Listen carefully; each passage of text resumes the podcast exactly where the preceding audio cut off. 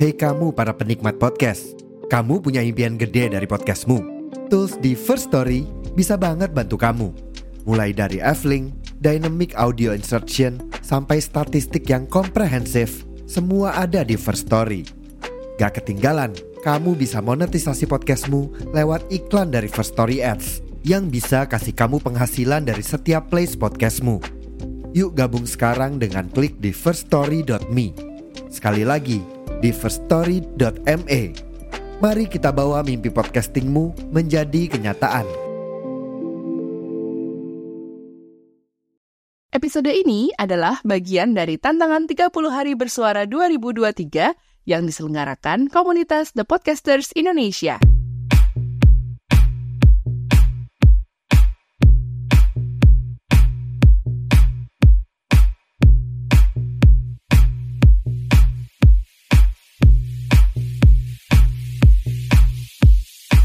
Hey, halo, assalamualaikum warahmatullahi wabarakatuh. Pripun kabare Bu Ibu? Sehat-sehat sedaya to? Alhamdulillah. Ini mode cengyah ya. Gimana rasanya anak-anak udah kelar ujian semesteran, Bu? Masih ketar-ketir soal nilai raport? Aduh, nggak usah cemas, Bu. Percaya aja sama kemampuan anak. Berapapun nilai yang nanti terpampang di raport, ibu harus punya mindset bahwa itu semua adalah hasil perjuangannya sendiri, memperoleh ilmu selama sekolah. Gak usah disesali nanti ya, apalagi anak dimarah-marahi karena nilainya, karena menurut ibu gak bagus. Menurut ibu loh ya. Padahal mungkin aja anak ibu tuh udah mati-matian berjuang mendapatkan ilmu, menyerap ilmunya di sekolah Dah, udahlah bu, hargain usahanya. Yang perlu ibu lakukan adalah menenangkan anak ibu agar tetap punya pandangan positif bahwa dia sudah bersekolah dengan baik. Jangan jadikan dia alat untuk mewujudkan harapan-harapan ibu yang gak tercapai. Apalagi sampai membuat dia terbebani dengan itu, terutama nilai sekolahnya.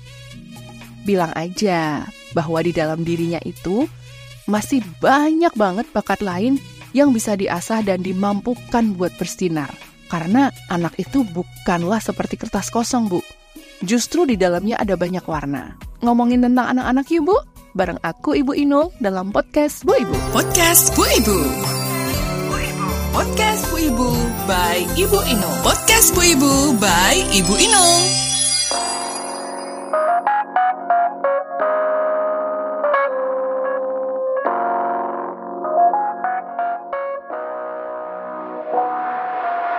Bu Ibu, mungkin Bu Ibu dulu pernah mendengar ungkapan seperti ini. Anak yang lahir ke dunia diibaratkan seperti kertas putih yang kosong dan yang belum ditulisi. Itulah teori tabula rasa dari John Locke. Tabula rasa ini terkenal sekali dulu. Teori tabula rasa ini menjadi salah satu asumsi dasar dalam penyelenggaraan pendidikan di sekolah kita pada saat ini. Dengan asumsi bahwa anak adalah sebuah kertas kosong, maka dibutuhkan orang tua atau guru atau pihak lain untuk menolong anak.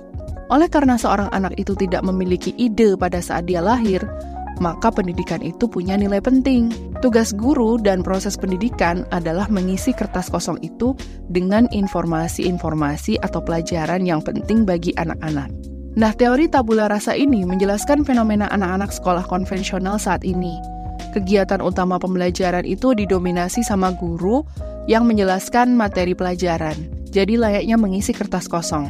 Sementara anak-anak itu dituntut untuk mendengarkan dan menerima. Lalu diharapkan bisa menghafal dan seperti memfotokopi penjelasan guru gitu ya. Harus sama. Kalau dikasih soal jawabannya juga harus sama seperti yang dijelaskan sama guru keterlibatan anak itu dianggap nggak terlalu penting, apalagi pendapatnya dan juga inisiatif anak. Kalaupun ada, semua itu hanya bersifat suplemen gitu untuk kegiatan utama tadi, yaitu mengisikan materi pada anak-anak. Pandangan tentang kertas kosong itu terbawa mulai jenjang SD sampai SMA, berlanjut sampai tingkat perguruan tinggi. Kayak misalnya dosen pun ya, ada loh yang sampai sekarang tuh mencari gampang saja, yaitu ngajar, mengajar Dalam artian uh, knowledge transfer aja gitu. Gak ada aktivitas diskusi yang memantik mahasiswa untuk belajar berbicara gitu. Dan di lain pihak mahasiswa pun juga nggak mau repot-repot ngelakuin riset, apalagi belajar sebelum masuk kelas gitu nggak ada. Lalu sampai kapan kertas kosong itu isi? Bu Ibu, sejatinya setiap anak manusia itu terlahir di dunia dalam keadaan fitrah. Jadi bukan dalam keadaan kosong, ya. Maksudnya dalam keadaan fitrah itu dia terlahir sudah diisi oleh Allah Subhanahu wa taala dengan karakter-karakter atau kebaikan-kebaikan yang dibawa sejak lahir. Nah, Allah itu sudah membekalkan kepada semua makhluk ciptaannya mengenai pengetahuan tentang keesaannya dan bahwa tidak ada Tuhan yang berhak disembah kecuali Dia, gitu. Jadi sebenarnya manusia itu tidak terlahir dalam keadaan putih kosong yang tanpa ada apa pun padanya. Nah, ini bisa dibilang kayak semacam uh, membatalkan teori yang sebelumnya ya, yang mengatakan bahwa setiap anak itu lahir seperti kertas putih yang kosong. Padahal sebenarnya kondisi anak itu fitrah sejak dia lahir kondisi fitrah ini nggak dapat berubah kecuali manusia sendiri yang merubahnya, gitu. Nah, karena keadaan setiap anak yang lahir itu sudah baik, sudah terisi karakter-karakter atau kebaikan-kebaikan, maka metode pembelajarannya pun nggak bisa diterapkan metode yang menganggap anak dalam keadaan kosong. Mendidik anak itu nggak seperti menggambar pada kertas putih yang kosong. Bisa ditulisi apa aja yang kita mau, bisa digambar sesuka kita, dan bisa dibentuk sesuai mood kita, entah akan kita lipat atau akan kita remas, dan nggak bisa hasilnya langsung kita lihat dengan segera gitu. Tapi mendidik anak itu kayak menumbuhkan benih supaya jadi pohon yang besar, ya kan? Kalau kita udah menanam benih, kita pasti akan apa sih? Merawatnya kan, menjaganya, ngasih air, ya, menyiramnya, kasih pupuk, dihilangkan hama-hamanya, dikasih vitamin, dirawat. Gak bisa sesukanya kita. Ngasih air terlalu banyak, bukannya tambah subur, tapi malah jadi apa? Keblebekan tanamannya. Dan harus diperlakukan sesuai perkembangannya. Kalau baru keluar bunga, kita harus ngapain sih? Kalau ada tambah cabang lagi, kita harus ngapain sih? Gitu. Nah, hasilnya, hasil kita menumbuhkan benih tadi itu baru bisa dilihat setelah sekian bulan atau sekian tahun saat menjadi pohon dewasa yang kokoh, yang rimbun, dan yang berbuah lebat. Sehingga pohon itu bisa ngasih manfaat yang sebesar-besarnya buat makhluk yang ada di sekitarnya. Tahu nggak Bu, kalau menurut Ki Hajar Dewantoro, Bapak pendidikan kita, setiap anak yang lahir itu sudah membawa kodratnya, yaitu watak bawaan yang diturunkan dari kedua orang tuanya, tapi masih dalam keadaan samar atau belum tampak alias belum muncul gitu.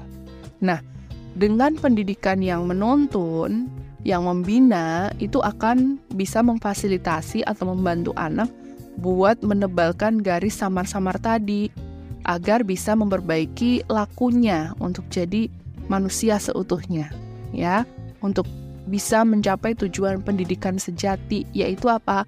Memerdekakan manusia. Manusia yang merdeka menurut Ki Hajar Dewantoro itu adalah orang yang selamat raganya dan bahagia jiwanya. Nah, anak-anak itu adalah individu dengan segala sifatnya. Memang ada bagian individu pada anak-anak yang belum berkembang seperti orang dewasa, tetapi individu itu bukan kertas kosong yang pasif menerima apa pun pengaruh dari lingkungannya setiap anak itu justru punya potensi yang melekat dalam dirinya. Nah, dengan melihat anak sebagai individu, kita sebagai orang tua itu akan lebih melibatkan anak dalam proses pendidikan buat dirinya sendiri, bukan buat kepuasan kita orang tuanya ya. Dan kita orang tuanya itu akan bisa lebih mendengarkan serta memperhatikan pendapat mereka lalu menjadikannya sebuah hal yang penting dalam proses pendidikan anak. Jadi memang kita itu menghargai keberadaannya dia gitu loh. Dan anak-anak itu tuh kan punya fase perkembangan sejak dini ya sampai jadi mandiri gitu. Jadi tidak harus mengakselerasikan seluruh pendidikan kepada dia. Yang harusnya terjadi adalah sesuai dengan fitrahnya, sesuai dengan fase perkembangannya.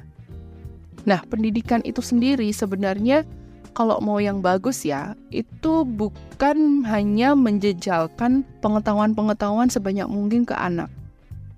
Tapi sejatinya education itu adalah uh, menumbuhkan gitu, seperti yang aku bilang tadi. Selain itu juga membangkitkan potensi-potensi karakter yang udah tertanam dalam diri anak itu sejak lahir. Supaya apa? Supaya mencapai peran sejati peradaban dengan semulia-mulianya akhlak gitu. Karena apa ya, semua anak lahir tuh kan dalam keadaan fitrah. Berarti sejatinya itu nggak ada anak yang nakal. Kenakalan anak itu mungkin hanya sebuah refleksi dari potensi karakter yang ada pada diri anak tersebut Nah, sebenarnya potensi itulah yang seharusnya jadi perhatian kita, orang tua dan guru, yang kemudian ditumbuhkan sehingga berkembang menjadi buah yang baik nanti gitu, bukan dipangkas habis, sehingga anak merasa dirinya nggak punya potensi apa-apa. Dan anak akan merasa bahwa dirinya lah anak yang bodoh seumur hidupnya kalau potensinya kita pangkas gitu. Apalagi kalau misalnya habis ulangan atau ujian, dia dapat nilai cuma 60, 50, nggak cuman gurunya, tapi ibu dan bapaknya itu marah-marah tanpa henti, bahkan sampai mengeluarkan kata-kata yang melabeli anak dengan tidak baik. Misalnya bilang, anak bodoh, dasar goblok, kayak gitu. Itu kan justru mematikan potensinya gitu loh. Kita harus yakin bahwa pendidikan itu bisa membentuk kepribadian seorang anak. Dan model perilakunya bisa kita bentuk juga tapi jangan lupakan bahwa memang dalam dirinya sudah ada karakter bawaan. Nah, kita hanya butuh melatihnya itu supaya bisa menghadapi kehidupan yang nyata.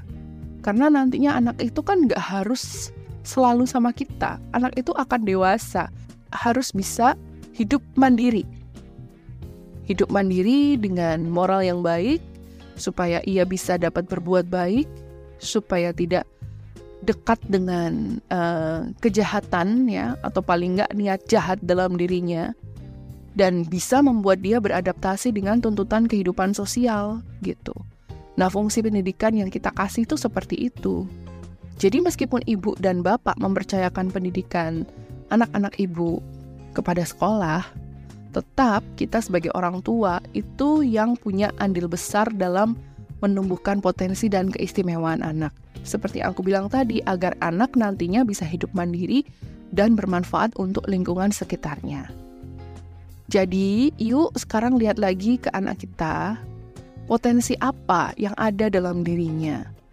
Sekali lagi, anak itu bukan seperti kertas kosong. Anak itu punya warna dalam dirinya. Tinggal kita bisa memunculkan warna indah itu enggak.